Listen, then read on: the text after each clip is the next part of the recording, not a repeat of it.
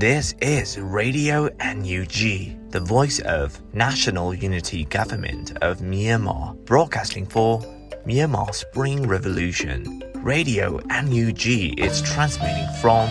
shortwave 16 meter 17.79 megahertz at 8:30 a.m. and 25 meter 11.94 megahertz at 8:30 p.m. Myanmar Standard Time.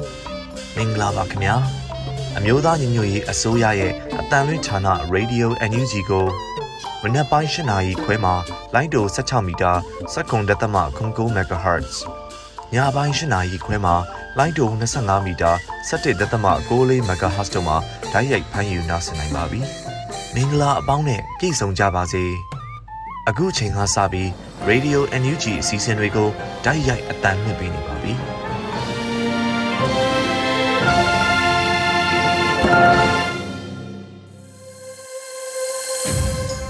မြန်မာနိုင်ငံသူနိုင်ငံသားအပေါင်းတဘာဝပြီးဆရာနာရှင်ပြည်တို့ကနေကင်းဝေးပြီးကိုစိတ်နှစ်ပါးပြီးကင်းလုံခြုံကြပါစေလို့ရေဒီယိုအန်ယူဂျီဖေသားများကဆုတောင်းမြတ်တာပို့တာလိုက်ရပါတယ်။အခုချိန်ကစပြီးကာဝေးရင်ကြီးဌာနရဲ့စီးသတင်းချင်းချုပ်ကိုတော့မောင်ကျူးမှဖက်ကြားတင်ပြပေးပါမယ်ရှင်။အမျိုးသားညီညွတ်ရေးအစိုးရကာကွယ်ရေးဝန်ကြီးဌာနကထုတ်ပြန်တဲ့နိုင်စဉ်စီးသတင်းချင်းချုပ်ကိုတင်ပြပါရမယ်ခင်ဗျာ။စစ်ကောင်စီတပ်သား၁၉ဦးသေဆုံးပြီး၃ဦးထိခိုက်ဒဏ်ရာရရှိကြောင်းသိရှိရပါတယ်။ စစ်ကောင်စီနဲ့တိုက်ပွဲဖြစ်ပွားမှုသတင်းများကိုပထမဦးစွာတင်ပြပါမယ်ခင်ဗျာ။ကရင်နီကယားပြည်နယ်မှာ2022ခုနှစ်ဩဂုတ်လ9ရက်နေ့ကဖရူဆိုမြို့နယ်ဆိုလျာကူကျေးရွာကိုစစ်ကြောင်းထိုးလာတဲ့စစ်ကောင်စီတပ်ကိုလေပိုင်းတိုင်းအထူးစစ်စင်ရေးအဖွဲ့နဲ့ဒေသခံမဟာမိတ်တပ်ပေါင်းစုများကခုခံတိုက်ခိုက်ခဲ့ရာလေပိုင်းတိုင်းအထူးစစ်စင်ရေးအဖွဲ့ရဲ့စနိုက်ပါပစ်ခတ်မှုကြောင့်စစ်ကောင်စီတပ်သား12ဦးသေဆုံးကြောင်းသိရှိရပါတယ်။ ချင်းပြည်နယ်မှာဩဂုတ်လ10ရက်နေ့မနက်2နာရီခန့်ကဖလန်းမြို့နယ်ရီခေါ်ဒါမြို့အမှတ်2ရပ်ကွက်တောင်ဝန်းပေါ်ရှိစစ်ကောင်စီတပ်စခန်းကို CDM CN PDF Solan CNDF နဲ့ Mountain Eagle Defense Force MEDF ပူးပေါင်းအဖွဲ့ကတွားရောက်တိုက်ခတ်ခဲ့ရာစစ်ကောင်စီတပ်ရင်းမှုဒုဗိုလ်မှူးကြီးဝေမျိုးပိုင်ပါဝင်စစ်ကောင်စီတပ်သား9ဦးသေဆုံးသွားပြီး CDF ပူးပေါင်းအဖွဲ့ကတအူထိခိုက်ဒဏ်ရာရရှိခဲ့ပါတယ်။ဩဂုတ်လ10ရက်နေ့မနက် 10:30မိနစ်ခန့်က ပလောဝမြို့နယ်စစ်ကောင်စီတပ်နဲ့ရခိုင်တပ်တော် AA တပ်တို့ကြား တိုက်ပွဲဖြစ်ပွားခဲ့ပြီး ပလောဝမြို့အခြေစိုက် ခလာရ289ကလက်နက်ကြီးနဲ့ အကြိမ်20တဲ့မိနစ်ပစ်ခတ်ခဲ့ကြောင်း သိရှိရပါတယ်။ဩဂုတ်လ10ရက်နေ့ မနက်8:30မိနစ်ခန့်က ဟာခါမြို့နယ် ဟာခါမြို့ဝင်ကြီးအိမ်ရနဲ့ ခရိုင်ရုံးမှာ တပ်ဆွဲထားတဲ့ စစ်ကောင်စီတပ်နဲ့ ဒေသခံကာကွယ်ရေးပူးပေါင်းတပ်တို့ တိုက်ပွဲဖြစ်ပွားခဲ့ပြီးနေရာလောကြေးရွာရှိ လူနေအိမ်များဘက်ကို လက်နက်ကြီးများကြားရောက်ပောက်ကွဲခဲ့တဲ့အတွက်ကြောင့်မြို့သမီးတို့တေဆုံပြီးမြို့သားတို့ထိခိုက်ဒဏ်ရာရရှိကြောင်း သိရှိရပါတယ်။ ကိုင်းတိုင်းမှာတော့ဩဂုတ်လ9ရက်နေ့မနက်9:30မိနစ်ခန့်ကမုံရမြို့နယ်မုံရမြို့မြောက်ရီဘန်အစောင့်စစ်ကောင်စီတပ်သားများကိုဒေသခံကာကွယ်ရေးအဖွဲ့တစ်ဖွဲ့ကလက်ပစ်ဗုံးနဲ့ပစ်ခတ်တိုက်ခိုက်ခဲ့ရာစစ်ကောင်စီတပ်သားတအူးလဲကျခဲ့ကြောင်းသိရှိရပါတယ်။ဩဂုတ်လ9ရက်နေ့မနက်4:15မိနစ်ခန့်ကစကိုင်းမြို့နယ်စားတောင်မြို့နယ်အုံတော်ကျေးရွာကြားမှာစစ်ကောင်စီ12ဘိန်းကား2စီးကိုပြည်သူ့ကာကွယ်ရေးတပ်မတော်စကိုင်းခရိုင်တပ်ရင်းနှင့်နယ်စည်းမခြားစကိုင်းသား Phoenix SGG စားတောင်မိုးချိုရန်ဟူပူပေါင်းတပ်ဖွဲ့ကဗဒေတာမိုင်း12လုံးနဲ့မိုင်းဆွဲတက်ခတ်ခဲ့ရာပထမကထိမှန်ခဲ့ပြီးနောက်ချန်လိုက်လာတဲ့ကားကမိုင်းစင်းရှာချိန်မှာပောက်ကွဲမှုဖြစ်ပွားခဲ့ပြီးစစ်ကောင်စီတပ်သားများထိခိုက်မှုရှိခဲ့ပါတယ်။မန္တလေးတိုင်းမှာတော့အောက်ဂုတ်လ10ရက်နေ့မနက်9:00နာရီခန့်ကမဟာအောင်မြင်မြို့နယ်ထက်တော်ဖျားဝင်းတောင်ဘက်မအူမှာတပ်ဆွဲထားတဲ့စစ်ကောင်စီတပ်သားများရဲ့တဲအိပ်ဘန်ကားတွေကိုဆိုင်ကယ်နဲ့လူနှုတ်ကလက်ပစ်ပုံပစ်ထည့်သွားတဲ့အတွက်ကြောင့် ဘန်ကားထဲမှာရှိတဲ့စစ်ကောင်စီတပ်ဖွဲ့ဝင်တပ်ကြပ်ကြီးနဲ့ရဲတပ်ဖွဲ့ဝင်တို့ထိခိုက်ပြီးရဲတပ်ဖွဲ့ဝင်တို့မှဆွေးနွေးရကြောင်းသိရှိရပါတယ်။ရန်ကုန်တိုင်းမှာတော့ဩဂုတ်လ10ရက်နေ့ကတာဂေတာမြို့နယ်နယ်မြေရဲစခန်းကရဲတပ်ချက်တအုပ်ကဆိုင်ကယ်ကယ်ရီသမားအယောင်ဆောင်ကသတင်းထောင်လန်းနေတဲ့အတွက်ကြောင့်ရန်ကုန်မြောက်တော်လိုင်းတပ်ဖွဲ့ကပြစ်ခတ်ရှင်းလင်းခဲ့ကြောင်းသိရှိရပါတယ်။ဒီကောင်စီကကျွလွန်တဲ့ရာဇဝမှုများကြောင့်ကိုဆက်လက်တင်ပြပါမယ်ခင်ဗျာ။ ကချင်ပြည်နယ်မှာဩဂုတ်လ9ရက်နေ့ည9:00နာရီခန့်ကဘာကတ်မြို့နယ်ဆယ်စင်းကြေးရွာကိုစစ်ကောင်စီတပ်ကလေရင်တစင်းနဲ့မီးလောင်ပုံများကျချသွားပြီးကြေးရွာများမှာရှိတဲ့အိမ်များမီးဆလောင်ပြီးမလောင်တဲ့အိမ်တွေကိုတက်စီလောင်းကမီးရှို့ခဲ့တဲ့အတွက်ကြောင့်တရွာလုံးမီးလောင်ပြာကျခဲ့ပါတယ်။ည7:00နာရီမှာလေရင်၄စင်းနဲ့လာရောက်ပစ်ခတ်မှုများရှိပြီးစစ်ကောင်စီတပ်နဲ့ SNA ပူးပေါင်းတပ်များကြောင့်ရွာထဲမှာပိတ်မိနေတဲ့ပြည်သူ40ခန့်တပ်ဖြတ်ခံခဲ့ရကြောင်းသိရှိရပါတယ်။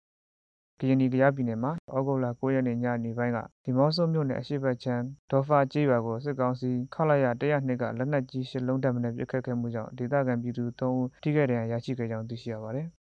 ရှမ်းပြည်နယ်မှာ ဩဂုတ်လ9ရက်နေ့ကဖေခုံမြို့နယ် မိုးပြဲအင်း အရှိဘကန်ဘယ်ဘောကြီးရွာ နမ်ဆန် နမ်ဘော်လုံးမခေကန်စတဲ့ကြီးရွာများက ပြည်သူလူထုများရဲ့ ပစ္စည်းဥစ္စာများဖြင့်မွေးယူထားတဲ့ ကျွဲနွားများကိုပါ စစ်ကောင်စီတပ်က ဖမ်းဆီးယူဆောင်သွားခဲ့ပြီးကွန်ပစ္စည်းတူလောင်ရုံများ ပြောင်းစပါးပွဲရုံများ ဆိုင်ကမ်းများနဲ့ လူနေအိမ်များကိုပါ ဖျက်ဆီးဝင်ရောက်ပြီးတံပိုးပစ္စည်းများကိုအရမခွေသွားခဲ့ကြောင်း သိရှိရပါတယ်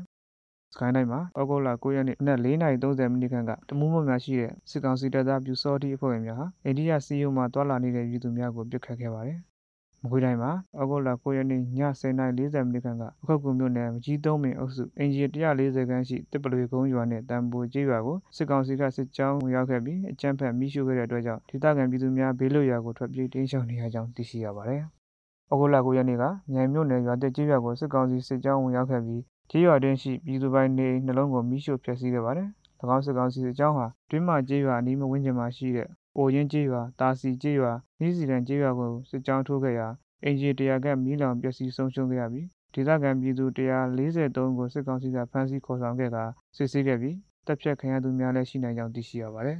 ။ငုံတိုင်းမှာတော့ ဩဂုတ်လ9ရက်နေ့မနက်10:45မိနစ်ခန့်ကအင်းစိန်မြို့နယ်စော်ဖွားကြီးကုန်းပန်းချံပြီးလက်ဖက်ရည်ဆိုင်ရှိမှာလူလက်ပိုင်းရွယ်လေးဦးကိုစစ်ကောင်စီဖွဲ့ဝင်များကအင်းစည်းကားများနဲ့ဖမ်းဆီးသွားခဲ့ပါတယ်။ဩဂုတ်လ9ရက်နေ့ည7:10မိနစ်ခန့်ကစမ်းချောင်းမြို့နယ်စမ်းချောင်းဂါဒန်ကွန်ဒိုကိုစစ်ကောင်စီဖွဲ့ဝင်များကဒီစီများအရက်ဝက်ကားအစုံ15စီးကနဲ့ဝင်ရောက်စီးနင်းရာလူငယ်9ဦးကိုလက်ပြန်ကြိုးတုပ်၍ဖမ်းဆီးသွားခဲ့ကြောင်းသိရှိရပါတယ်။အခုတင်ပြခဲ့တဲ့နေ့စဉ်စီးရီးသတင်းကြေညာများကို ရေပြင်သတင်းတာဝန်ခံများနဲ့သတင်းဌာနများမှာဖော်ပြထားတဲ့အချက်အလက်များပေါ်အခြေခံပြုစုထားတာဖြစ်ပါတယ်ခင်ဗျာ။ကျွန်တော်မောင်ကျူပါ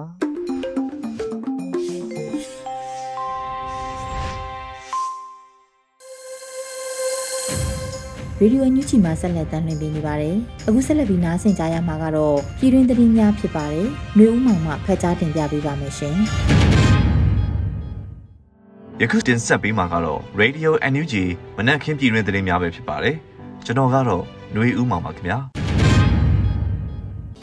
ပထမဦးဆုံးသတင်းအနေနဲ့ຫນွေဦးတော်လန်ရေးမှာမြမသမိုင်းနဲ့တခါမှမကြုံဘူးတဲ့တိုင်းရင်းသားတွေကြားယုံကြည်မှုစီးလုံးမှုတွေရလာကြတယ်လို့ပြည်ထောင်စုဝန်ကြီးချုပ်ကဆိုခဲ့တဲ့သတင်းကိုတင်ဆက်ပေးပါမယ်။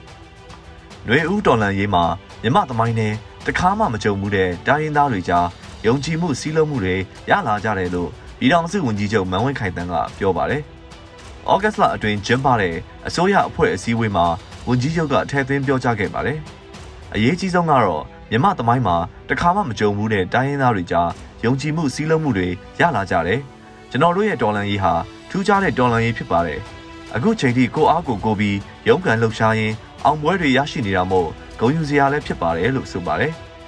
လက်ရှိຫນွေဦးတော်လန်ရေးမှာစက်ကောင်စီတပ်များကိုတိုက်ခိုက်ရန်အမိတ်ပေးကုတ်ကဲမှုစနစ်အားဓာတ်ရိုက်တောင်းဝန်ယူကြီးကြပ်သူများမှာဒိုင်းရင်သားတော်လန်ရေးအင်အားစုမှစစ်ရေးချမ်းကျင်သူများဖြစ်ပါတယ်ခင်ဗျာ။ဆက်လက်ပြီးပုံမုံပြည်ပြည်စုံတဲ့ဖွဲ့စည်းပုံအခြေခံဥပဒေရေးဆွဲဖို့လုပ်ငန်းတွေစတင်နေပြီလို့တရားရေးဝန်ကြီးကအသိပေးပြောကြားခဲ့တဲ့သတင်းကိုတင်ဆက်ပေးပါမယ်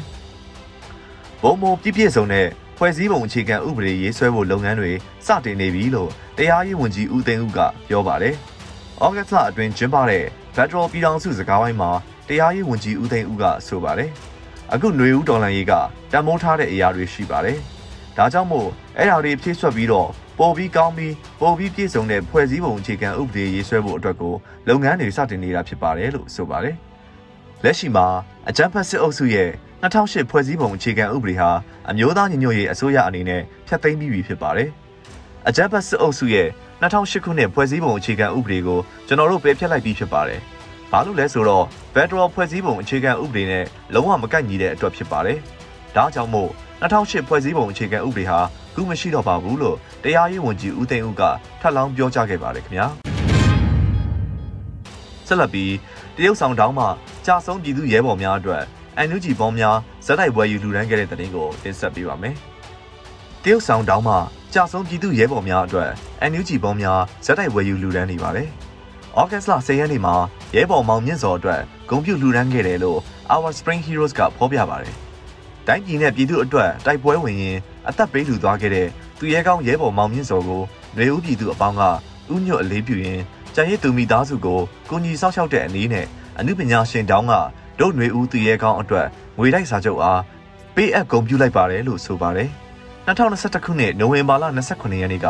စကိုင်းတိုင်းကောလင်းခရိုင်တရင်သုံးမှပြည်သူရဲဘော်မောင်မြင့်စော်သည်အကြမ်းဖက်စစ်တပ်အားခုခံတွန်းလှန်ရန်အတွက်လက်လုံမိုင်းစမ်းတက်ရင်းမြင့်မြတ်စွာအသက်ပေးလူခဲ့ရပါတယ်။ပြည်သူများအနေဖြင့်ຫນွေဦးသူရဲကောင်းများအားရည်စူးပြီးသူတို့ရဲ့ကြံရည်သူမိသားစုအတွက်တို့ຫນွေဦးသူရဲကောင်းငွေတိုက်စာချုပ်တွေကိုဆက်သွယ်ဝယ်ယူလူရန်ပေးနိုင်ပါတယ်ခင်ဗျာ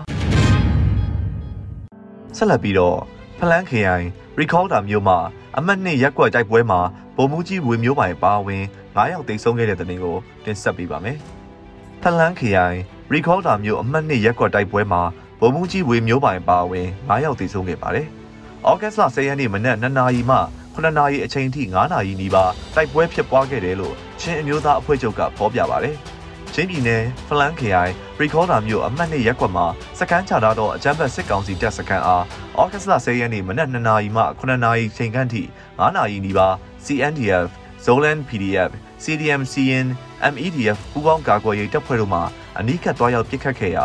တိုက်ပွဲပြင်းထန်ခဲ့ပါတယ်လို့ဆိုပါတယ်တိုက်ပွဲမှာအကြမ်းဖက်စစ်ကောင်စီဘက်မှတရင်မူဒုဗိုလ်မှူးကြီးဝေမျိုးပိုင်ပါဝင်9ယောက်တေဆုံးပြီးဒဏ်ရာရရှိသူများလည်းများပြားခဲ့ပါတယ် ပူးပေါင်းကာကွယ်ရေးတပ်ဖွဲ့ဘက်မှတအူးတန်ရာမစိုးရိမ်ရရရှိခဲ့ပါတယ်ခင်ဗျာ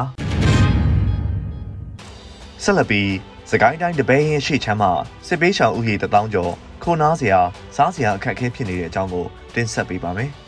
စကိုင်းတိုင်းတပင်းရဲ့ရှေ့ချမ်းမှာစစ်ပေးရှောင်ဥယျာဉ်တထောင်ကျော်ခုနားစရာစားစရာအခက်အခဲဖြစ်နေတယ်လို့သတင်းရရှိပါတယ်။ဩဂတ်စ်လ10ရက်နေ့ညပိုင်းမှာတပင်းမြို့နယ်ပြည်သူ့အုပ်ချုပ်ရေးအဖွဲ့ကအဆိုပါတယ်။ တပင်းရင်အရှိတ်ချမ်းမှာစစ်ပေးရှောင်ဥယေတထောင်ကျော်သည်ခိုနားစရာစားစရာအခက်အခဲဖြစ်နေ၍တပင်းရင်မြို့နယ်ပအဖအနေဖြင့်စားတောက်ဖွယ်ရာများကိုချက်ပြုတ်စီမံ၍စစ်ပေးရှောင်ဒုက္ခသည်များကိုလူသားချင်းဆိုင်ရာစာနာမှုအကူအညီထောက်ပံ့များကူညီထောက်ပံ့ပေးခဲ့ပါတယ်လို့ဆိုပါတယ်။ယခုလ၄ရက်နေ့ကတပင်းမြို့နယ်ကိုင်းခံရွာကိုအကြမ်းဖက်စစ်တပ်မှရဟတ်ရင်ဖြင့်ပစ်ခတ်ပြီးအင်အားများချကရုတ်တရက်စစ်ကြောင်းထိုးခဲ့ပါတယ်။ ရဟတ်ရင်ဖြင့်ပစ်ခတ်မှုကြောင့်အသက်ဆုံးရှုံးခဲ့ရသောပြည်သူအချို့ရှိခဲ့ပြီးရွာသားအချို့ဖမ်းဆီးခေါ်ဆောင်ခံခဲ့ရပါတယ်။ဩဂတ်စ်လ6ရက်နေ့မှာဩဂတ်စ်လ6ရက်နေ့မနက်မှာအစိုးရအကြမ်းဖက်စစ်တပ်မှအကြောင်းမဲ့တပ်သက်မီးရှို့ဖျက်ဆီးခဲ့မှုကြောင့်ဂိုင်းကန်ရွာကအင်ဂျင်နေရာကမှစစ်တပ်မီးရှို့မှုကြောင့်အင်ဂျင်150ကျော်မီးလောင်ဆုံးရှုံးခဲ့ရပါတယ်ခင်ဗျာ။ ဆက်လက်ပြီးမကွေးတိုင်းရေစကြိုမြို့နယ်ရေလဲကျွန်းဒေသတွင်ရှိငရရောရွာကိုအကြမ်းဖက်စစ်တပ်ကမွေနှောက်တောင်းကျမ်း၍ရွာကိုမီးရှို့ဖျက်ဆီးခဲ့တဲ့တဲ့တင်ကိုတင်ဆက်ပေးပါမယ်။ဩဂတ်စ်လ10ရက်နေ့တွင်မကွေးတိုင်းရေစကြိုမြို့နယ်ရေလဲကျွန်းဒေသတွင်ရှိငရရောရွာကိုအကြမ်းဖက်စစ်တပ်ကမွေနှောက်တောင်းကျမ်း၍ရွာကိုမီးရှို့ဖျက်ဆီးခဲ့ပါတယ်။ဩဂတ်စ်လ10ရက်နေ့မနက်ပိုင်းကစတင်ကစစ်ကောင်စီတပ်များဟာငရရောရွာကိုတနက်ပစ်ဖောက်ဝင်ရောက်ခဲ့ပါတယ်။ မကွေးတိုင်းရေစကြိုမြို့နယ်ရေလဲကျွန်းဒေသအတွင်းရှိနေရင်မင်းရွာသို့ဖက်စစ်မိတ်ဆာစစ်ကွေးတပ်တို့သည်15ရက်ဝန်းကျင်တပ်ဆွဲထားပြီးယနေ့10ရက်နေ့မနက်တွင်မင်းရွာ၏အနောက်မြောက်ဘက်ရှိငတရောရွာကိုတနက်များဖြင့်ပြစ်ဖောက်ဝင်ရောက်ကမှွေနှောက်မြူငင်ပြီးနေ့လယ်တနာရီ15မိနစ်ခန့်အချိန်တွင်မီးတင်ရှို့နေပါတယ်လို့ရေလဲကျွန်းဒေသပြည်သူ့ကာကွယ်ရေးတပ်ပေါင်းစုကဖော်ပြပါတယ်စစ်ကောင်စီတပ်များဟာစကိုင်းတိုင်းနဲ့မကွေးတိုင်းတို့ကိုအင်အားအလွန်ကျွံနဲ့စစ်ကြောင်းထိုးဖျက်ဆီးလျက်ရှိပါတယ်ခင်ဗျာ။ ဆက်လက်ပြီးရန်ကုန်မှာဥဒန်းကျူးမဲ့ចောင်းသားတအူဘန်နာကင်ပြီးစစ်အာဏာရှင်စက်ကြီးရဲ့လူငယ်များဆန္ဒပြခဲ့တဲ့တဲ့တင်ကိုတင်ဆက်ပေးပါမယ်။ရန်ကုန်မှာဥဒန်းကျူးမဲ့ចောင်းသားတအူဘန်နာကင်ပြီးစစ်အာဏာရှင်စက်ကြီးရဲ့လူငယ်များဆန္ဒပြခဲ့ပါတယ်။ဩဂတ်စ်လ10ရက်နေ့မှာဥဒန်းကျူးမဲ့ចောင်းသားတအူဘန်နာခေါင်းစဉ်ကင်ပြီးတင်ငန်းကျွန်းမြို့နယ်ចောင်းသားသမက်ကဘကတများအဖွဲ့ချုပ်မှဦးဆောင်ကရန်ကုန်မြို့တနေရာမှာဆန္ဒပြခဲ့တာဖြစ်ပါတယ်။ ဆန္ဒပြပွဲကိုတင်ငန်းကျွမြို့နယ်ကျောင်းသားတက်မကဘာကတာများအဖွဲ့ချုပ်မှဦးဆောင်ပြီးရွှေပြည်သာမြို့နယ်ဘာကတာများအဖွဲ့ချုပ်စမ်းချောင်းမြို့နယ်ဘာကတာများအဖွဲ့ချုပ်မင်္ဂလာတော်မြို့နယ်ဘာကတာများအဖွဲ့ချုပ်တာဂီတာမြို့နယ်ဘာကတာများအဖွဲ့ချုပ်ရန်ကုန်ကလာပါမြို့နယ်ဘာကတာများအဖွဲ့ချုပ်ရန်ကုန်ရဲ့တပုံများတပိတ်ကော်မတီ YRSC ဗမာလူငယ်ကွန်ရက်ဘာကာလာတို့နဲ့ပူးပေါင်းကလှုပ်ဆောင်နေပါတယ်ဆန္ဒပြပွဲမှာစစ်အာဏာရှင်စနစ်ဆန့်ကျင်ရေးကြွေးကြော်သံများလည်းဟစ်ကြွေးခဲ့ပါတယ်ခင်ဗျာ ဆက်လက်ပြီးတပိန်းမြို့နယ်မူကန်ကြီးစုတက်ကြီးပါကိုအကြမ်းဖက်စစ်တပ်က၃ရက်ကြာမီးရှို့ဖျက်ဆီးရာမှာတိုက်ခန်အိမ်နဲ့အိမ်ကြီးအိမ်ကောင်းအများစုပျက်စီးဆုံးရှုံးခဲ့တဲ့တဲ့တင်ကိုတင်ဆက်ပေးပါမယ်။စကိုင်းတိုင်းတပိန်းမြို့နယ်မူကန်ကြီးစုတက်ကြီးပါကိုအကြမ်းဖက်စစ်တပ်က၃ရက်ကြာမီးရှို့ဖျက်ဆီးရာမှာတိုက်ခန်အိမ်နဲ့အိမ်ကြီးအိမ်ကောင်းအများစုပျက်စီးဆုံးရှုံးခဲ့ပါတယ်။ဩဂတ်စ်လ10ရက်နေ့မှာပဲတပိန်းမြို့နယ်ပြည်သူ့အုပ်ချုပ်ရေးအဖွဲ့ကသတင်းထုတ်ပြန်ခဲ့ပါတယ်။၈ရက်၈လ2022ခုနှစ်မှာ10ရက်8လ 2022ရက်နေ့အထိအကြမ်းဖက်စစ်ကောင်စီတပ်ဟာတပိန်းရင်းမြို့နယ်မူကန်ကြီးစူးတက်ကြီးပါကိုစိတ်ကြိုက်မွေးနောက်မီးရှို့ဖျက်ဆီးပြီးအောက်ဆယ်ရင်ကျေးကျေးရွာဘက်သို့ထွက်ခွာသွားပါတယ်လို့ဆိုပါတယ်။ယခုလက်ရှိအကြမ်းဖက်စစ်တပ်၏မီးရှို့ဖျက်ဆီးခြင်းခံရသောမူကန်ကြီးကျေးရွာအခြေအနေမှာအင်ဂျီအများစုမီးလောင်ပျက်စီးဆုံးရှုံးခဲ့တယ်လို့သတင်းထုတ်ပြန်ပါတယ်ခင်ဗျာ။ယခုတင်ပြပေးခဲ့တဲ့သတင်းတွေကိုတော့ Radio NUG သတင်းတောက်မင်းမင်းကပေးပို့ခဲ့တာဖြစ်ပါတယ်ခင်ဗျာ။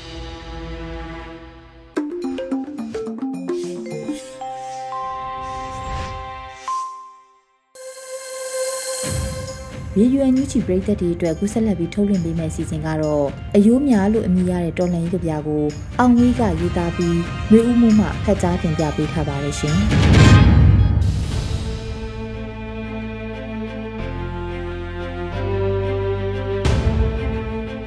အယိုးများ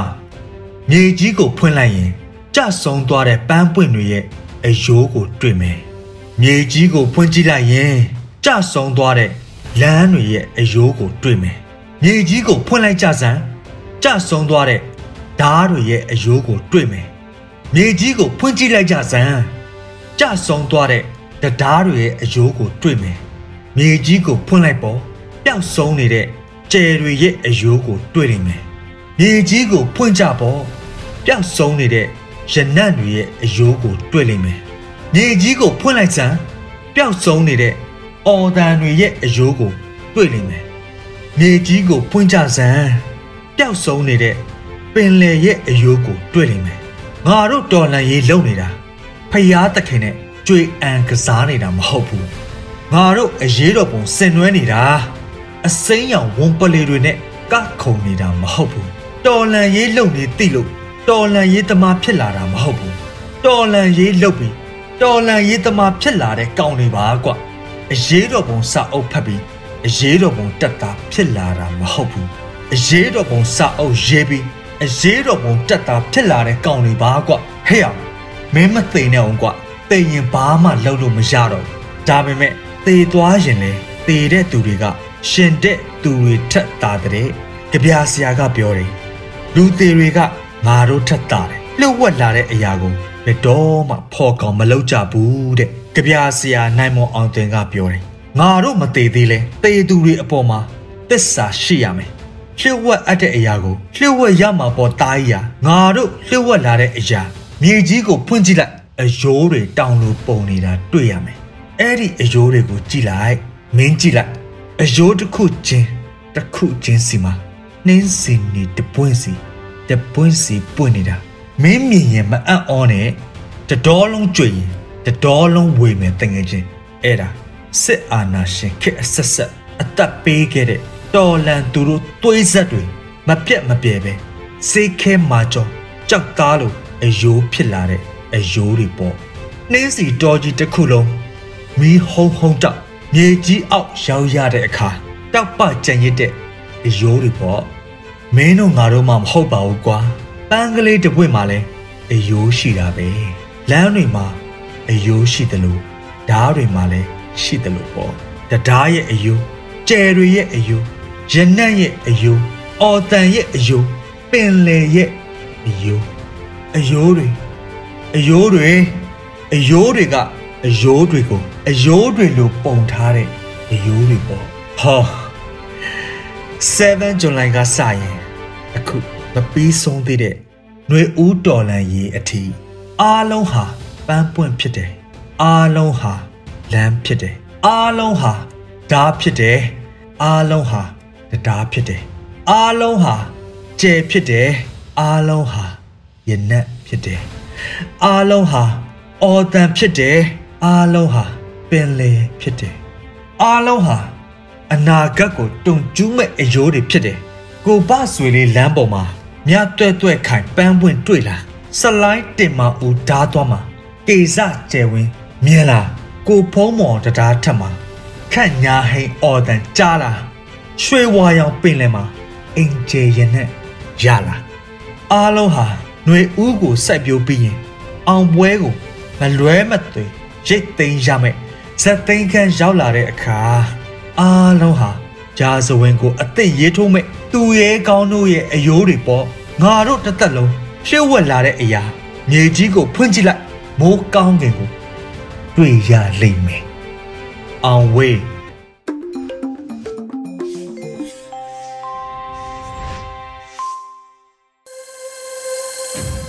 ရေဒီယိုအန်ယူဂျီမှာဆက်လက်တင်ပြနေပါတယ်။အခုဆက်လက်ပြီးနားဆင်ကြရမှာကတော့ပြည်သူခုခံတော်လှန်စစ်တရင်များဖြစ်ပါတယ်။ငင်းကြော်မှဖတ်ကြားတင်ပြပေးထားပါတယ်ရှင် ပထမဆုံးအနေနဲ့ရေဦးမှာပြည်သူ့မဟာမိတ်တပ်ပေါင်းစုတွေနဲ့စစ်ကောင်စီကြားတိုက်ပွဲပြင်းထန်နေတဲ့သတင်းတင်ဆက်ပါမယ်။စကိုင်းတိုင်းရေဦးမြို့နယ်ကုန်းသာရွာနဲ့ရမိတ်သာကျေးရွာကြားတွင်စစ်တပ်နဲ့ဒေသကာကွယ်ရေးတပ်များယနေ့နနက်ပိုင်းတိုက်ပွဲပြင်းထန်နေပြီးစစ်တပ်ဘက်ကစစ်ကောင်စီတပ်ဖွဲ့ဝင်30ဦးထပ်မံတေဆုံးကလက်နက်25လက်ရရှိကြောင်းသိရှိရပါတယ်။ဩဂုတ်လ10ရက်နေ့နနက်9နာရီမှစတင်ပြီးစစ်တပ်ကကြေးဝါများကိုနယ်မြေရှင်းလင်းရေးခေါင်းစဉ်တက်၍ ကျူးကျော်ဝင်ရောက်ဖျက်ဆီးစဉ်တိုက်ပွဲဖြစ်ပွားခြင်းဖြစ်ကြောင်းနနက်အစောပိုင်းတိုက်ပွဲတွင်စစ်တပ်ဘက်မှ30ထပ်မံတေဆုံးပြီးလက်နက်25လက်သိမ်းဆည်းရမိကြောင်းရင်းတော့မုံရွာနာမခမှစစ်ရဟတ်ရင်များဖြင့်ပထမအကြိမ်ပြစ်ခတ်ကြောင်းရင်းတော့နနက်7နာရီဝန်းကျင်တွင်လဲ MI35 ရဟတ်ရင်များဖြင့်ပြစ်ခတ်ပြီးစစ်ကူတချို့ကိုရဟတ်ရင်ဖြင့်ခြာထားပေးကြောင်းဒေသသတင်းရင်းမြစ်ကဆိုပါတယ်။ ဩဂုတ်လ9ရက်နေ့ညနေပိုင်းတွင်စစ်တပ်စစ်ကြောင်းကရေဦးကုန်းသာကျေးရွာဘက်သို့စစ်ကြောင်းထိုးလာခြင်းဖြစ်ပြီးယနေ့နနက်ပိုင်းတွင်တိုက်ပွဲဖြစ်ပွားခြင်းဖြစ်ကြောင်းစစ်ကောင်စီတပ်များကိုရေဦးကာကွယ်ရေးတပ်ဒီပဲရင်ပြည်သူ့ကာကွယ်ရေးပူးပေါင်းတပ်များကပူးပေါင်းတိုက်ခိုက်နေခြင်းဖြစ်သည်ဟုသိရှိရပါသည် ရွှေကူမြို့နယ်တွင်အကြမ်းဖက်စစ်တပ်စစ်ကြောင်းတစ်ခုမိုင်းခွဲတိုက်ခိုက်ခံရပြီးအရာရှိ3ဦးပါဝင်စစ်သား6ဦးထပ်မံတေဆုံးတဲ့တဲ့ဆက်လက်တင်ဆက်ပါမယ်။ကချင်ပြည်နယ်ဗမော်ခရိုင်ရွှေကူမြို့နယ်ကြောက်တလုံးရွာအထက်ဘက်သို့စစ်ကြောင်းထွက်လာသည့်အကြမ်းဖက်စစ်သားများကိုယနေ့ဩဂုတ်လ10ရက်နနက်4နာရီခွဲခန့်တွင်မိုင်းခွဲတိုက်ခိုက်ခဲ့ပြီးအရာရှိ3ဦးပါဝင်စစ်သား6ဦးထပ်မံတေဆုံးက10ဦးထပ်မံဒဏ်ရာအပြင်းထန်ရရှိခဲ့ကြောင်းမြို့လ PDF ကသတင်းထုတ်ပြန်ပါတယ်။အကြမ်းဖက်စစ်တပ်တပ်မ88လက်အောက်ခံခမာယာ4 1.5နဲ့ခလာရ10မှအင်အား85ဦးဝန်းကျင်သည် ARD မြစ်တလျှောက်လုံခြုံရေးယူရန်နယ်မြေရှင်းလင်းရေးလုပ်နေစဉ်ကြောက်တလုံးကျေးရွာအထက်ဘက်၌မိုင်းခွဲတိုက်ခိုက်ခံခဲ့ရခြင်းမှာသေဆုံးသူများတဲ့တွင်အကြမ်းဖက်စစ်ကောင်စီဘက်မှအရာရှိ3ပါဝင်ကြောင်းနှင့်၎င်းတို့ကိုမြည်သယူစဉ်ရွာသားများကိုတစားကန်အဖြစ်ဖမ်းဆီးကအနီးဝန်းကျင်တွင်ထိုင်ခိုင်းထားခဲ့ကြောင်းမြို့လာ PDF ကထုတ်ပြန်ပါတယ်။နောက်ဆုံးအနေနဲ့မြို့သစ်မြို့ကဏီရွာတွင် PDF တပ်ဖွဲ့နှင့်စစ်တပ်ပြစ်ခတ်မှုဖြစ်ပွားပြီးဗိုလ်ကြီးတို့ပါဝင်3ဦးသေဆုံး PDF ရဲဘော်6ဦးကြာဆုံးတဲ့သတင်းတင်ဆက်ပါမယ်။မကွေးတိုင်းမျိုးစင်းမြို့နယ်ကဏီရွာတွင်ဗေဒနိုး PDF တပ်ဖွဲ့မှတပ်ဖွဲ့ဝင်6ဦးတဲခိုသည့်နေအိမ်ကို အကြမ်းဖက်စစ်တပ်ကဩဂုတ်လ9ရက်နေ့တွင်ဝင်ရောက်စီးနင်းခဲ့သောကြောင့်ပြစ်ခတ်မှုများဖြစ်ပွားကာစစ်တပ်ဘက်မှဗိုလ်ကြီးတို့ပါဝင်3ဦးသေဆုံးခဲ့ကြောင်းဗေဒနိုးနယ်မြေပြည်သူ့ကာကွယ်ရေးတပ်မတော်ထံမှသိရှိရပါသည်။ကဏီကျေးရွာအတွင်းဗေဒနိုး PDF တပ်ဖွဲ့ဝင်များနယ်မြေစိုးမိုးရေးစီယုံဆောင်ရွက်နေစဉ်စစ်တပ်သတင်းပေးဒလန်များကြောင့်ဩဂုတ်လ9ရက်နေ့နနက်အစောပိုင်း9နာရီခန့်တွင်အကြမ်းဖက်စစ်တပ်ကအင်အား30ခန့်ဖြင့် PDF တပ်ဖွဲ့ဝင်များတက်ခုသည့်နေအိမ်ကိုပိတ်ဆို့ပစ်ခတ်ရာ PDF မြေရဲဘော်များကပြန်လည်ခုခံတိုက်ခိုက်ခဲ့ပြီး လက်နက်အင်အားလုံလောက်မှုမရှိသောကြောင့်ဗေဒနိုး PDF တပ်ဖွဲ့မှအကြီးအကဲတာဝန်ခံအပေါင်းရဲဘော်6ဦးကြာဆုံးခဲ့ရကြောင်းသိရှိရပါတယ်။အကြမ်းဖက်စစ်တပ်သည်ကနီရွာအုပ်ချုပ်ရေးမှူးဦးဝင်းထွေးကိုလည်းပြစ်တက်သွားပြီးမိသားစုများကိုဖမ်းဆီးခေါ်ဆောင်သွားက PDF ရဲဘော်6ဦးနှင့်အုပ်ချုပ်ရေးမှူးရုပ်အလောင်းများကိုမြို့သစ်မြို့ပရာဟိတအဖွဲ့မှလာရောက်ယူဆောင်သွားကြောင်းသိရှိရပါတယ်။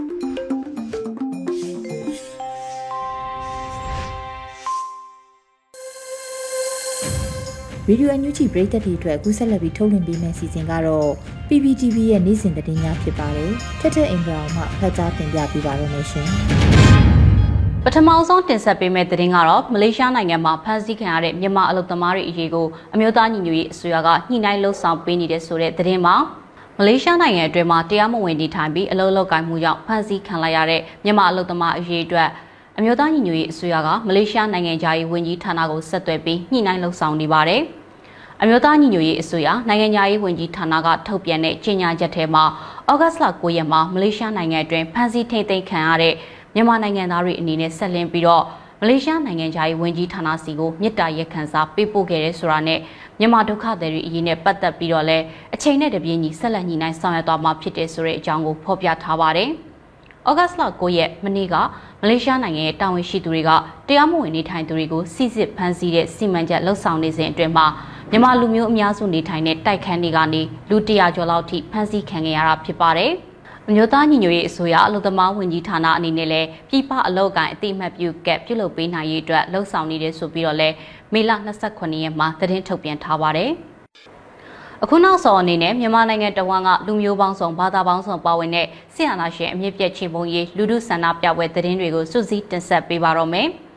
ရင်းမပေခရိုင်ရဲ့ရွာပေါင်းစုံတပိတ်စစ်ကြောင်းကအကြမ်းဖက်စစ်တပ်ကြာရှုံးရေးအဖြစ်916ရက်မြောက်ဆန္ဒပြတပိတ်ကိုဒီကနေ့မှပြုလုပ်ခဲ့ပါတယ်။ဆန္ဒပြတော်လှန်ပြည်သူတွေကလူထုတိုက်ပွဲအရှိန်မြင့်ကြဘုံရန်သူကိုချေမုံညဆိုတဲ့စာသားတွေကင်ဆွဲပြီးအကြမ်းဖက်စစ်တပ်ကြာရှုံးရေးဟစ်ကြွေးကချီတက်လှည့်လည်ခဲ့တာပါ။ဆန္ဒပြပွဲတွေကိုတော့နေမြေမငြိမ်သက်မှုတွေကြားတွေကပဲတော်လှန်ပြည်သူတွေကနေ့စဉ်လှုပ်ဆောင်နေတာလည်းဖြစ်ပါတယ်။ စကိုင်းတိုင်းရမတ်ပင်အရှိချမ်းကတော်လှန်ပြည်သူတွေကလည်းဒီကနေ့မှအကြမ်းဖက်စစ်တပ်ကြရှုံးရေးညနေစီးစာတပိတ်ကိုပြုလုပ်ခဲ့ပါတယ်။ဆန္ဒပြတော်လှန်ပြည်သူတွေကကဲတင်ရှင်မရှာဒုကြီးရွာဆိုတဲ့စာသားကိုကင်ဆယ်ပြီးတော့ချီတက်လှည့်လဲခဲ့တာပါ။ကလေးမြို့မှာကလေးမြို့မှာပင်မတပိတ်စစ်ကြောင်းကအကြမ်းဖက်ဆန္ဒရှင်စန့်ကျင်ရေး949ရက်မြောက်နေ့ဖြစ်ဒီကနေ့မှပြုလုပ်ခဲ့ပါသေးတယ်။ ဆန္ဒပြတော်လှန်ပြည်သူတွေကမပြီးဆုံးသေးတဲ့ရှစ်လေးလုံးလူထုလွတ်မြောက်ရေးဒုအတူယုံဆိုတဲ့စာတမ်းကိုကင်ဆယ်ပြီးတော့လူဝင်အားအများအပြားနဲ့အကြမ်းဖက်ဆန္ဒရှင်စနစ်ကိုကန့်ကွက်တပိတ်မှောက်ခဲ့ကြပါတယ်။ဒါကတော့ဩဂတ်စ်လ10ရက်နေ့သတင်းတွေနဲ့လူထုဆန္ဒပြပွဲသတင်းတွေကိုစုစည်းတင်ဆက်ပေးခဲ့တာဖြစ်ပါတယ်။ကျေးဇူးတင်ပါတယ်ရှင်။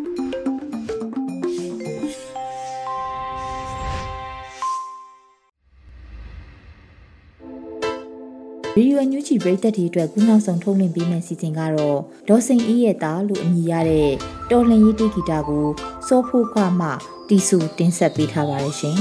။ကြီးနိုင်ငယ်ငယ်အမြဲလုပ်တယ်မဟုတ်တာအကုန်လုံးစိတ်ပုတ်တယ်ညစ်ချဲချဲစကားအမြဲတမ်းပြောတဲ့ကောင်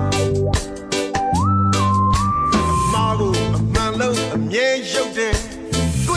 အကုန်ခိုးသိမ့်ပိုက်တယ်လေးကွာခိုင်ပြီးရန်ကားနေတဲ့ကောင်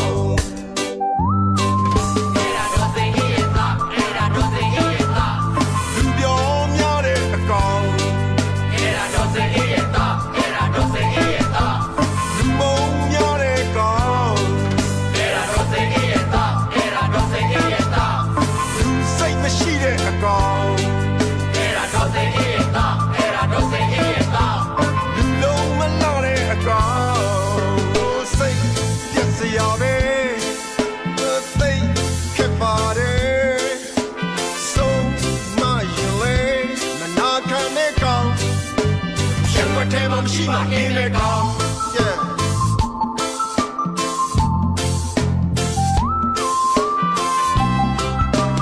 ရက်ွက်ထဲမှာမရှိမှအင်းနဲ့ကောင်း